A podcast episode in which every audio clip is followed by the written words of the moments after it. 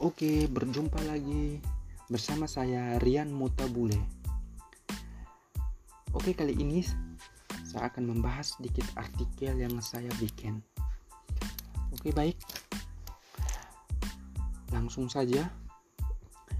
Media sebagai sarana masyarakat untuk memperoleh informasi dan berkomunikasi guna untuk memenuhi kebutuhan dan meningkat kualitas hidup masyarakat yang menjadi keamanan masyarakat dalam menggunakan media sosial terdapat beberapa kode etik. Wartawan Indonesia tidak menulis atau menyiarkan berita berdasarkan prasangka atau disk diskriminasi terhadap seseorang atas dasar perbedaan suku, ras, warna kulit, agama, jenis kelamin, dan bahasa serta tidak merendahkan martabat orang lemah, miskin, sakit, cacat jiwa, atau cacat jasmani. Pemerintah, peran pemerintah dalam menyiapkan hoaks dan berita liar di sosial media dengan mengurangi lima langkah sederhana yang bisa membuat dalam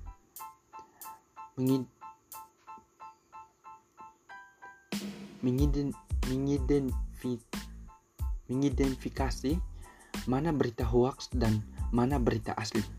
Di era di era teknologi digital saat ini bukan hanya konten berupa teks yang bisa dimanipulasi melalui juga konten lain berupa foto atau video.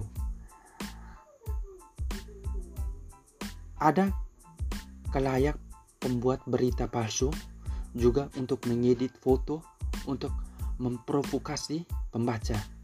Cara untuk mengecek keaslian foto bisa digunakan manfaat mesin pencari Google, yakni dengan melakukan drag drag and drop ke kolom pencarian Google MI. Hasil pencarian akan menyajikan gambar-gambar serupa yang terdapat di internet sehingga bisa dibandingkan. Perhatikan dari mana dari mana berita berasal dan dari siapa sumbernya. Apakah dari apakah dari instrumen resmi seperti KPK atau Polri, sebaiknya jangan cepat percaya apabila informasi berasal dari pegiat ormas,